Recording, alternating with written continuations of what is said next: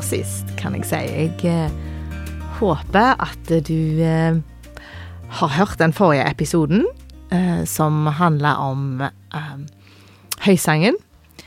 Fordi at dette er fortsettelse. Jeg sitter her med Bibelen min i dag òg, og har lyst å dele mer med deg ifra høysangen.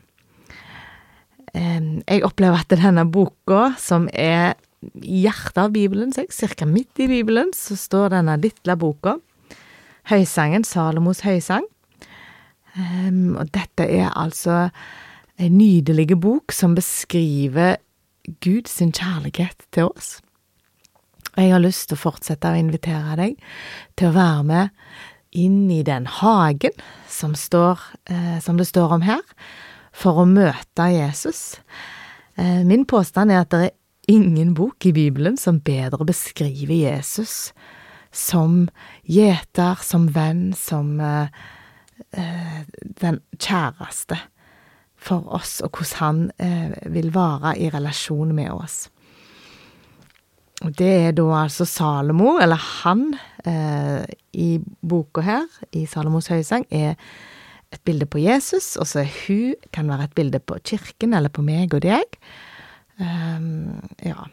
Og så står det om koret, eller Jerusalems døtre, eller som kan være et bilde på, på andre kristne, da.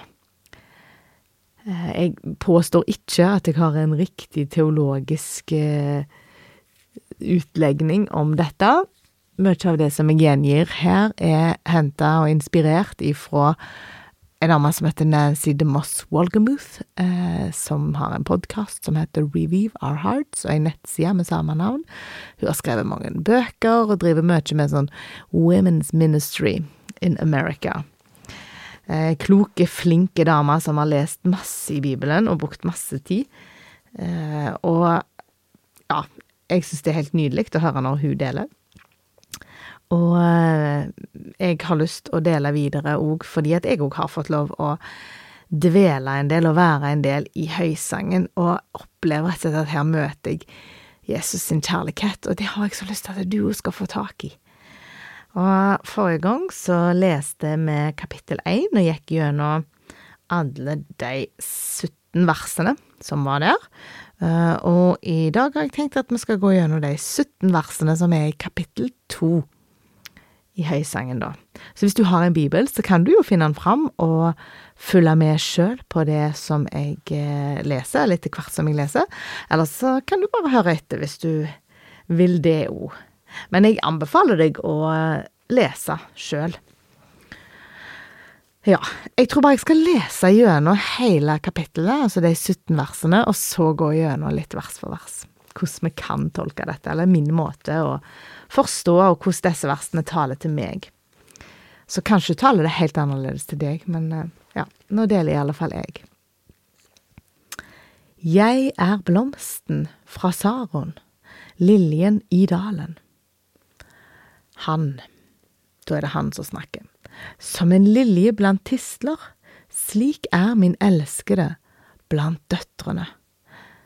Så er det hun, hun som snakker da som et epletre blant trærne i skogen.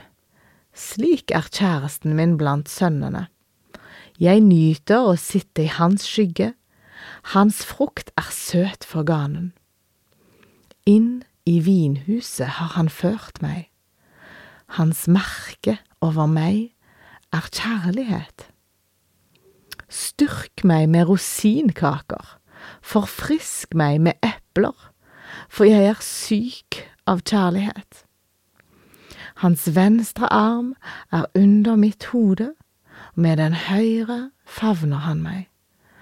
Jeg ber dere, Jerusalems døtre, ved gasellene, eller ved hindene på markene. Uro ikke kjærligheten, vekk den ikke før den selv vil. Hør, det er min kjæreste, der kommer han løpende over fjellene, hoppende over høydene. Min kjæreste ligner en gasell, en ung hjort. Der står han, bak muren vår. Han kikker inn gjennom vinduene, gløtter inn gjennom gitteret. Min kjæreste tar til ordet og sier, da er det han som snakker nå, stå opp, min elskede, min vakre jente, og kom.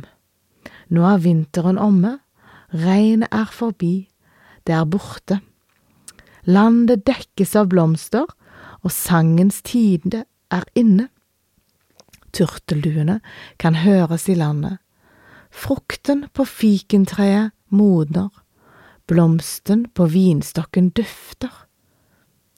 Stå opp, min elskede, min vakre jente, og kom. Min due i fjellkløften, i ly under bratte klipper. La meg få se deg, la meg få høre stemmen din, for stemmen er myk og skikkelsen skjønn. Koret, eller Jerusalems døtre, da, som snakker nå, fang revene for oss, de små revene som ødelegger vinmarkene, for våre vinmarker står i blomst. Så er det hun som sier, Min kjæreste er min, og jeg er hans, han som gjeter mellom liljene, helt til dagen blåser skyggene bort. Spring som gasellen, min kjæreste, som en ung hjort, over kløfter og fjell. Åh, jeg synes det er så utrolig mye spennende og fint som står her.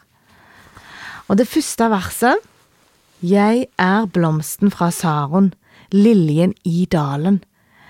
Det var faktisk et vers som traff meg veldig. Eh, at jeg kunne være som ei lilje som var i en dal. Um, jeg, jeg følte at jeg var på en måte Kanskje jeg var litt langt nede. At jeg var i en dal i livet mitt. Um, og så Jeg vet at det er mange alternative tolkninger her, altså at det, blomsten fra Saron og liljen i dalen, at mange mener det er Jesus og sånn. Det kan være mange symbolikker på dette, men nå presenterer jeg sånn som dette har talt til meg. Eh, og så deler jeg det med deg, og så må du ta det for det det er. Eh, jeg sier ikke at det er liksom en sannhet, men det var sånn det talte til meg.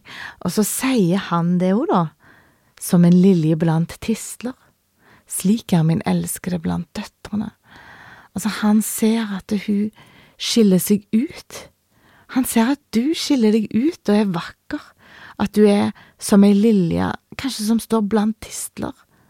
Kanskje er du plassert på et sted der det er mange rundt deg som ikke er kristne, eller kanskje det er mange rundt deg som kan være litt harde med litt med piggene ute, eller litt så det går an å stikke seg på.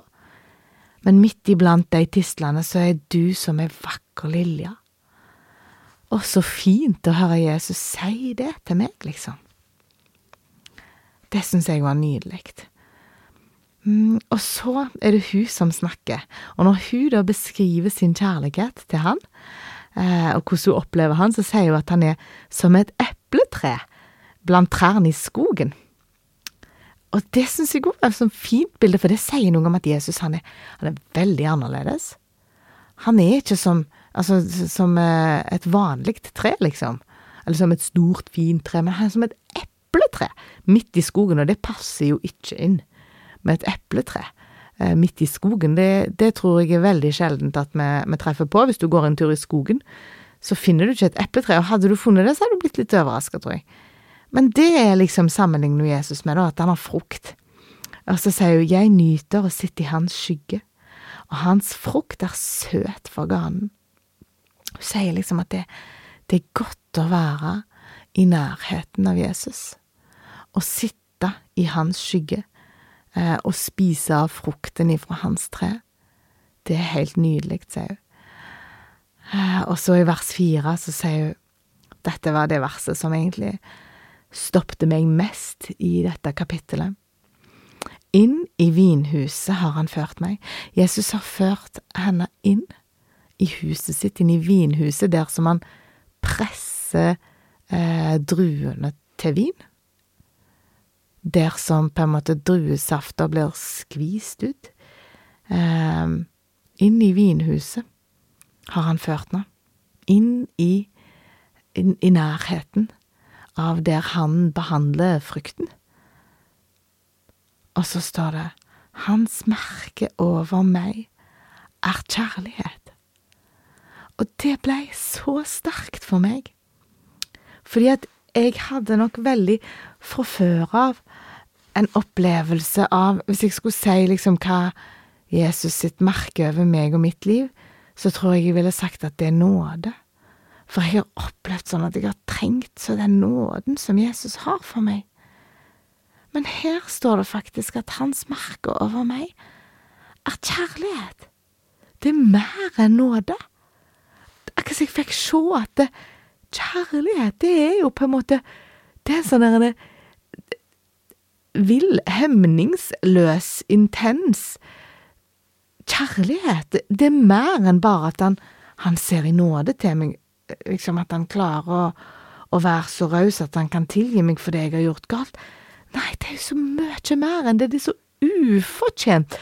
Han, han løfter meg opp og tar meg inn i, i sitt innerste, inn i huset sitt. Og hans merke er mer enn nåde. Det er kjærlighet. Og jeg kjenner at jeg blir så fullt av takknemlighet til Jesus for det. Så står det videre i vers fem. Styrk meg med rosinkaker og forfrisk meg med epler, for jeg er syk av kjærlighet. Og så tenker jeg sånn, ja, jeg trenger Jesus å ete mer av det du har. Og jeg tror det Jesus har for oss, det er Bibelen, det er ordet sitt. Og jeg trenger å ete av det sånn at jeg kan bli styrka av Hans ord, at jeg kan bli forfriska av å ete epler ifra Bibelen, for jeg er sjuk av kjærlighet. Jeg lengter etter å forstå mer av denne kjærligheten. Og det jeg må gjøre da, er å ete det. Og så står det så fint i vers seks. Hans venstre arm er under mitt hode, og med den høyre favner han meg. Og jeg leste faktisk på ei nettside som jeg tror heter eh, Fiolsex, eller noe sånt, om, om akkurat den måten å bli favna på. Eh, og bli holdt rundt på òg. Eh, det kan være mange fine bilder her, men å tenke at, at Jesus holder rundt deg på den måten, det sånn, kan være en veldig sånn vanlig omfavnelse mellom dame og mann, som kan være veldig god, enten om man ligger med ansiktene mot hverandre, eller om man ligger som i, i skei så er på en måte det at hans venstre arm er under hodet, og at han favner med den høyre, en veldig god stilling å ligge for to, og ligge tett inntil hverandre. Det er en veldig sånn omsorgsfull og god, ja, god måte å være nær. Og det å tenke at Jesus er så nær, han er så nær, at han holder rundt deg, at han favner deg. Så står det videre, det er fremdeles hun som snakker, da. Jeg ber dere, Jerusalems døtre, ved gasellene eller ved hindene på marken, uro ikke kjærligheten, vekk den ikke før den selv vil. Så jeg, jeg vet jo ikke hva dette betyr, men jeg tror at det, det betyr i alle fall at vi skal være lydhør for Jesus sin timing, på en måte. Vi kan ikke Ofte så tror jeg vi søker liksom gode opplevelser. 'Å, jeg vil oppleve Jesus sitt nærvær', eller 'Å, jeg vil oppleve på en måte At vi, vi er mer ute etter opplevelsene enn en kanskje det han har å lære oss, da. Eh, og at vi kan ikke uroe kjærligheten før han sjøl vil. At det er Jesus som er Gud er kjærlighet. Og vi kan ikke uroe Gud sin kjærlighet til oss på en måte før, før han sjøl vil. Eh, så vi må være modne på en måte til å ta imot det som han vil lære oss, og det som han vil vise oss. Så står det videre i vers åtte. Hør, det er min kjæreste. Der kommer han, løpende over fjellene, hoppende over høydene. Hun vet, hun sier hør, det er min kjæreste. Hun, hun, kjenner igjen at det er han som kommer. Ikke hun kjenner han igjen på trinnene, stegene kanskje, eller om det er stemmen hans. Hun vet iallfall at det er han som kommer, for å kjenne han igjen. Ofte så vet dere hvis vi For i vårt hus så har vi sånn en tropp, så jeg kan høre hvem i familien det er som går i troppa. Eh, vet ikke om du har det sånn, men av og til så kan vi høre på stegene hvem det er som kommer. Eh, det er når vi kjenner de godt. Hvis det er noen vi ikke kjenner som kommer gående, så, så kjenner vi ikke igjen stegene. Uh, og her er det tydelig at dette er ei som kjenner igjen stegene til Jesus når han kommer. Og jeg ønsker å være sånn, og jeg ønsker å kjenne igjen stegene til Jesus og forstå at nå er det han som kommer.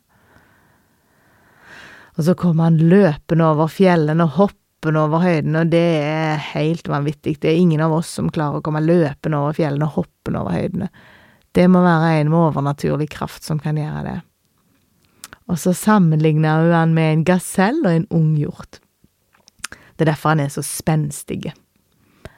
Og så, så står det videre, der han står bak muren vår, kikker inn, og han gløtter inn gjennom vinduet og gjennom gitteret. Dette er ikke en som trenger seg inn, som åpner opp døren og tramper inn. Nei, han står forsiktig, og han venter, og han kikker inn Uh, han følger med, han har oversikt, men han, uh, han trenger seg ikke fram. Så står det i vers ti, min kjæreste tar til ordet og sier, så sier Jesus, stå opp, min elskede, min vakre jente, og kom. Da inviterer han henne, liksom. Og så, min vakre jente, min elskede, sier han til deg. Åh, det er så fint. Tenk at han syns det, at du er vakker og han, han kaller deg og meg for sin elskede. Er ikke det flott? Og så sier han, nå er vinteren omme, og regnet er forbi, og nå er det blomster, og nå skal vi synge, og det er frukt på trærne, og, og jeg vil at du skal være med, liksom. Og så er det ingen svar ifra henne. Da er det liksom, i min bibel så er det et lite mellomrom. Eh, selv om det er midt i verset. Det er jo litt sånn diktform, så derfor er det vel gjerne Men så sier han det en gang til. Stå opp, min elskede, min vakre jente, og kom. Han måtte rope, eller han måtte kalle på henne to ganger. Kanskje svarte hun ikke første gangen. Kanskje hørte hun ikke etter. Eller kanskje bare venta hun. Vet ikke. Så ble det litt tankevekkende for meg, og da, hvor mange ganger må Jesus invitere meg før jeg svarer? Lytter jeg med en gang? Og så sier han i vers 14, Min due i fjellkløften, i ly under bratte klipper. La meg få se deg, la meg få høre stemmen din, for stemmen er myk og skikkelsen skjønn. Og jeg syns, så er det akkurat som han sier, jeg ser deg. Jeg ser at du er sårbar, at du er som ei due i ei fjellkløft, og det er bratte klipper rundt deg. Det er ganske farlig, det er bratt rundt deg, det kan være skummelt der som du er, men du er i ly. Du er trygg. Men jeg ser deg, ser det. jeg ser kanskje at du er sårbar, at du står blant bratte klipper, det er dramatisk. Men så sier han, åh, la meg få se deg. Vis deg, kom fram, ikke gjem deg, liksom. Og så la meg få høre stemmen din. Og så sier han ikke fordi du har så mye viktig å si. Kanskje det jo, men han sier for jeg syns at du har en mjuk stemme, og jeg syns at du er vakker å se på. Han, han vil se deg, han vil høre deg. Det er det viktigste. Vi tenker ennå så ofte at liksom, ja, nei, jeg, jeg kan ikke be bønner, jeg, liksom, for jeg vet ikke hvordan jeg skal si, og at Jesus er ikke opptatt av hva vi sier, men han er opptatt av å høre stemmen din. Han er opptatt av at du snakker til han. Um, han er opptatt av at du kommer inn i lyset hans, at du kommer inn i feltet der han kan se deg, at du er synlig for han, og at, uh, at han kan få høre stemmen din. Og så er det det som disse koret, eller Jerusalems døtre, sier da i vers 15. Fang revene for oss, de små revene som ødelegger vinmarkene, for våre vinmarker står i blomst.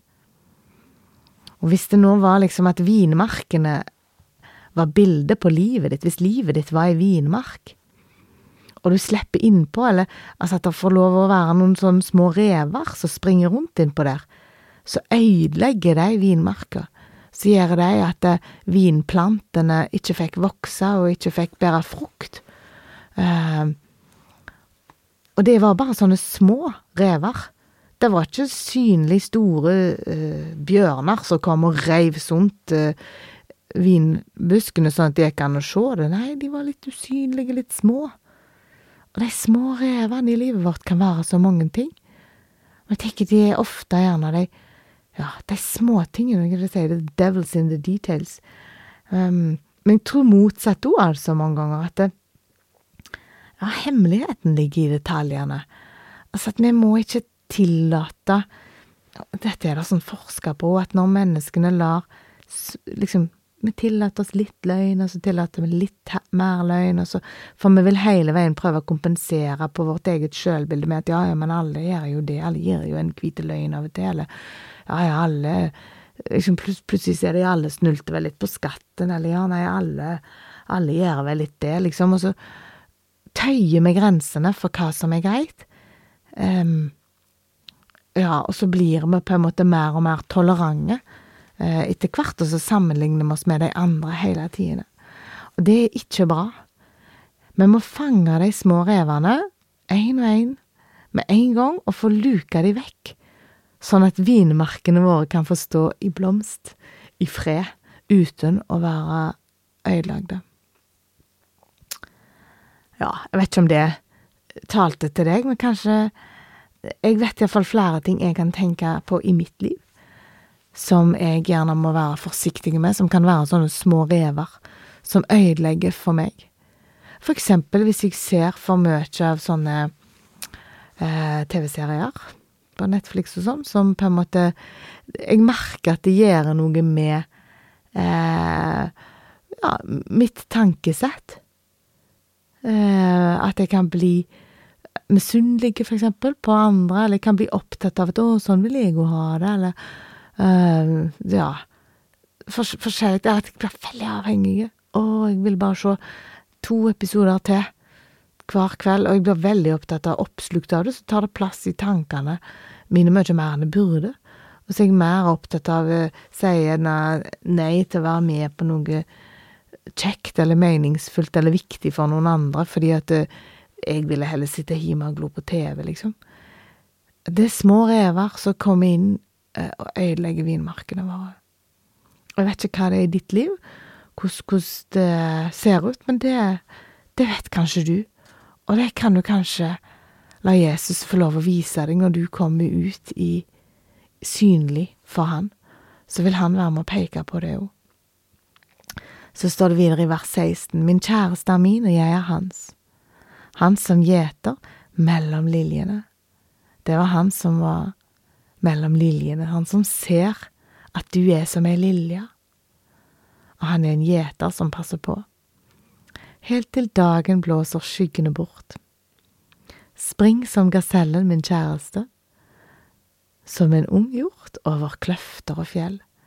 Altså, hun, hun fryder seg over hvordan han er, og at eh, jeg Altså at han er min, og jeg er hans, og fryder seg over det. Og det kan meg og du jo få lov å fryde oss over.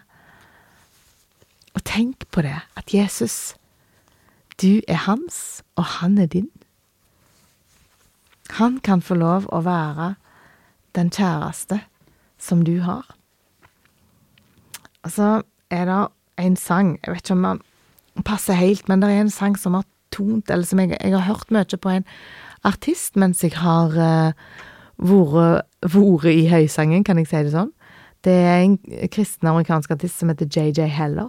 Hun har skrevet, eller jeg vet ikke hva hun har skrevet, men har iallfall spilt inn mange fine, uh, klassiske kjærlighetssanger òg, som uh, jeg har hørt på mens jeg har vært i hagen i lag med Jesus. Uh, så det har fått betydd mye for meg. Men så er det én sang som heter Only Love Remains, som hun synger, da. Jeg vet faktisk ikke om det er hun Jo, jeg tror det er hun som har skrevet den. JJ Heller, altså JJ Heller. Den må du høre på. Eh, søk den opp på Spotify eller ja, den musikkanalen du bruker. Eh, anbefaler deg virkelig å høre den. Jeg skal eh, si teksten på den, eh, for den har truffet meg. Eh, der synger hun om eh, Ja, om hvordan på en måte møtet med Jesus egentlig knuser henne. Ja, men at hun At likevel så er det han som skal få lov, og Eller at det, det må være bare kjærlighet igjen. Jeg leser teksten. Only Love Remains av JJ Heller. Scenes of you come rushing through. You are breaking me down. So break me into pieces that will grow in the ground. I know that I deserve to die for the murder in my heart. So be gentle with me, Jesus, as you tear me apart. Please kill the liar, kill the thief in me. You know that I am tired of their cruelty. Breathe into my spirit, breathe into my veins, until only love remains. Og tror jeg jeg skal forklare før jeg eh, ja, leser resten. Hun sier på en måte at um, Ja, i møte med deg, Jesus, så blir jeg brekt i beter. Men så sier hun liksom bare la det skje, bare brekk meg i beter, knus meg i beter, Jesus. Uh, og, og ja, putt meg i bakken så that will grow in the ground, sånn at det kan vokse. For det er ikke så du forstår at det kan vokse noe ut av det. Hvis jeg blir knust, så kan, kan det få lov å vokse noe ut av det. Og så sier jeg, jeg vet at jeg fortjener å dø for alle drapene jeg har gjort i hjertet mitt. Så Jesus, vær forsiktig med meg når du tar meg ifra Altså, tear me apart. Det vil rive meg i sunt. Og så Please kill the liar and kill the thief in me. Hun liksom erkjenner at det er en løgner og en tjuv inni henne. Og at det, hun er så trøtt av å kjenne på sin egen Altså hvor Og det, jeg kjenner meg sånn igjen. Jeg er så sliten av at jeg sjøl er en så egoistisk stor synder. Trøtt av min egen cruelty. Men så sier hun da Breathe into my spirit, breathe into my veins, until only love remains. Jesus, du må puste liv i ånden min. Jesus, du må puste liv i årene mine, i blodet mitt, sånn at det kan være bare kjærlighet igjen. Og så, neste vers, så sier hun You burn away the ropes that bind, and hold me to the earth. The fire only leaves behind whatever is of worth. I begin to see reality for the first time in my life. I know that I am a shadow, but I'm dancing in your light. Teach me to be humble. Call me from the grave. Show me how to walk with you upon the waves. Breathe into my spirit, breathe into my veins, until only love remains. Så her sier jo liksom at det, Jesus, du er som en ild som, som brenner alle de tauene som bandt meg fast. And hold me to the earth. Altså, jeg er jo fremdeles her på jorda. Men din eh, brennende ild lar det være igjen det som er verdt noe. Altså det som Selv om Jesus sin brennende ild brenner over meg, så er det mange ting som må dø av det som jeg har, og mange ting som blir brent vekk av det som jeg har, som ikke var verdt noe, men det jeg sitter igjen med, var det, bare det som egentlig hadde verdi. Og så sier hun, nå begynner jeg liksom å se uh, reality sånn som det egentlig er. Og så sier hun, I know that I'm a shadow. Jeg vet at jeg er jo bare en skygge. Og mitt liv er liksom ikke så viktig, men likevel, I am dancing in your light. Og det er liksom akkurat det jeg syns det står så fint i, i høysangen her òg, at Jesus, han, han elsker oss jo, selv om vi kan erkjenne Hun sier i, kapittel 1, som vi leste sist gang, at jeg er, jeg er svart. Vet at jeg er svart. Men likevel så kan jeg få lov å danse i ditt lys, sier hun, og det er det Jesus sier her i kapittel to som vi leser. Han vil at du skal komme ut i lyset, og han syns faktisk det er helt ok at du danser i det lyset. Og så sier hun videre i sangen her, teach me to be humble, altså Jesus, lær meg å være ydmyk. Call me from the grave, for jeg var jo egentlig død, så det er du som har vekket meg til liv igjen, Jesus.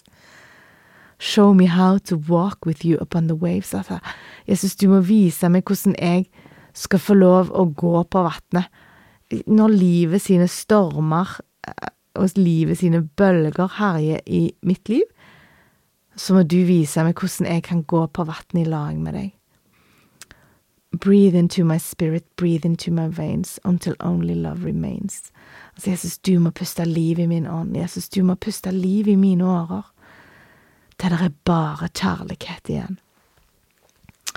Kjære Jesus, takk for at eh, din kjærlighet er så ufattelig, uendelig stor. Og Jesus, takk for at når du ser på meg, så syns du at jeg er vakker, sjøl om jeg vet at jeg bare er som en mørk skygge, og at det er ingenting i meg som jeg presterer som er verdt å, å, å overleve dette livet eller din flamme. Takk for at du elsker meg likevel, for at når du ser på meg, så ser du den jeg er i deg. Takk for at du ser meg med dine øyne. Takk for at du har frelst meg, Jesus, at jeg kan få lov å være din elskede. Og Jesus, jeg ber om at hver og en av de som lytter, òg kan få lov å se seg sjøl med dine øyne Og få lov å se seg sjøl elska av deg, Og få lov å med frimodighet få lov å kalle seg for din elskede, Og få lov å kjenne at de kan få lov å hvile i din favn, og få lov å kjenne seg elska av deg, Jesus, og kan få lov å kjenne at det, ditt blikk, det er godt å være under ditt blikk, at det er godt å være i din nærhet, at det er godt å få lov å snakke med deg, Jesus. Takker deg for det, Jesus, og takker deg for at du ser hver og en av de som hører på dette, og ber om at Din Hellige Ånd bare må tale til hjertene på den måten som bare du kan. Bare ta deg av oss, Herre, sånn som du ser at vi trenger. Takk for at du har full kontroll over livene våre, og at du vil det som er godt for oss, selv om det er stormer rundt oss i livene våre, Herre. Selv om det er store bølger, gjerne, og store stormer nå når det er, ser ut som det er høst for oss. Takk for at du eh, kaller oss, og at vi må få lov å høre din stemme. Jeg ber om at du må gjøre oss ydmyke av hjertet og med lyttende ører, at vi hører din stemme, at vi kan kjenne igjen stegene dine, at vi kan høre at det er du som kommer, og at vi hører det du taler til oss, Herre, og at du leder oss. Jeg legger livet mitt ikke deg nå, Herre, og bare takker for at du har full kontroll. I Jesu navn. Herren velsigne deg og bevare deg. Herren la sitt ansikt lyse over deg og være deg nådig. Herren løfte sitt åsyn på deg og gi deg fred. Amen. tusen takk for følget i dag òg, og send meg gjerne noen eh, tips eller tilbakemeldinger eller eh, innspill eller et eller annet. Jeg er glad for alle tilbakemeldinger som jeg får. Og igjen, tusen takk for at du hører på, og så håper jeg at vi høres igjen. Ha det bra.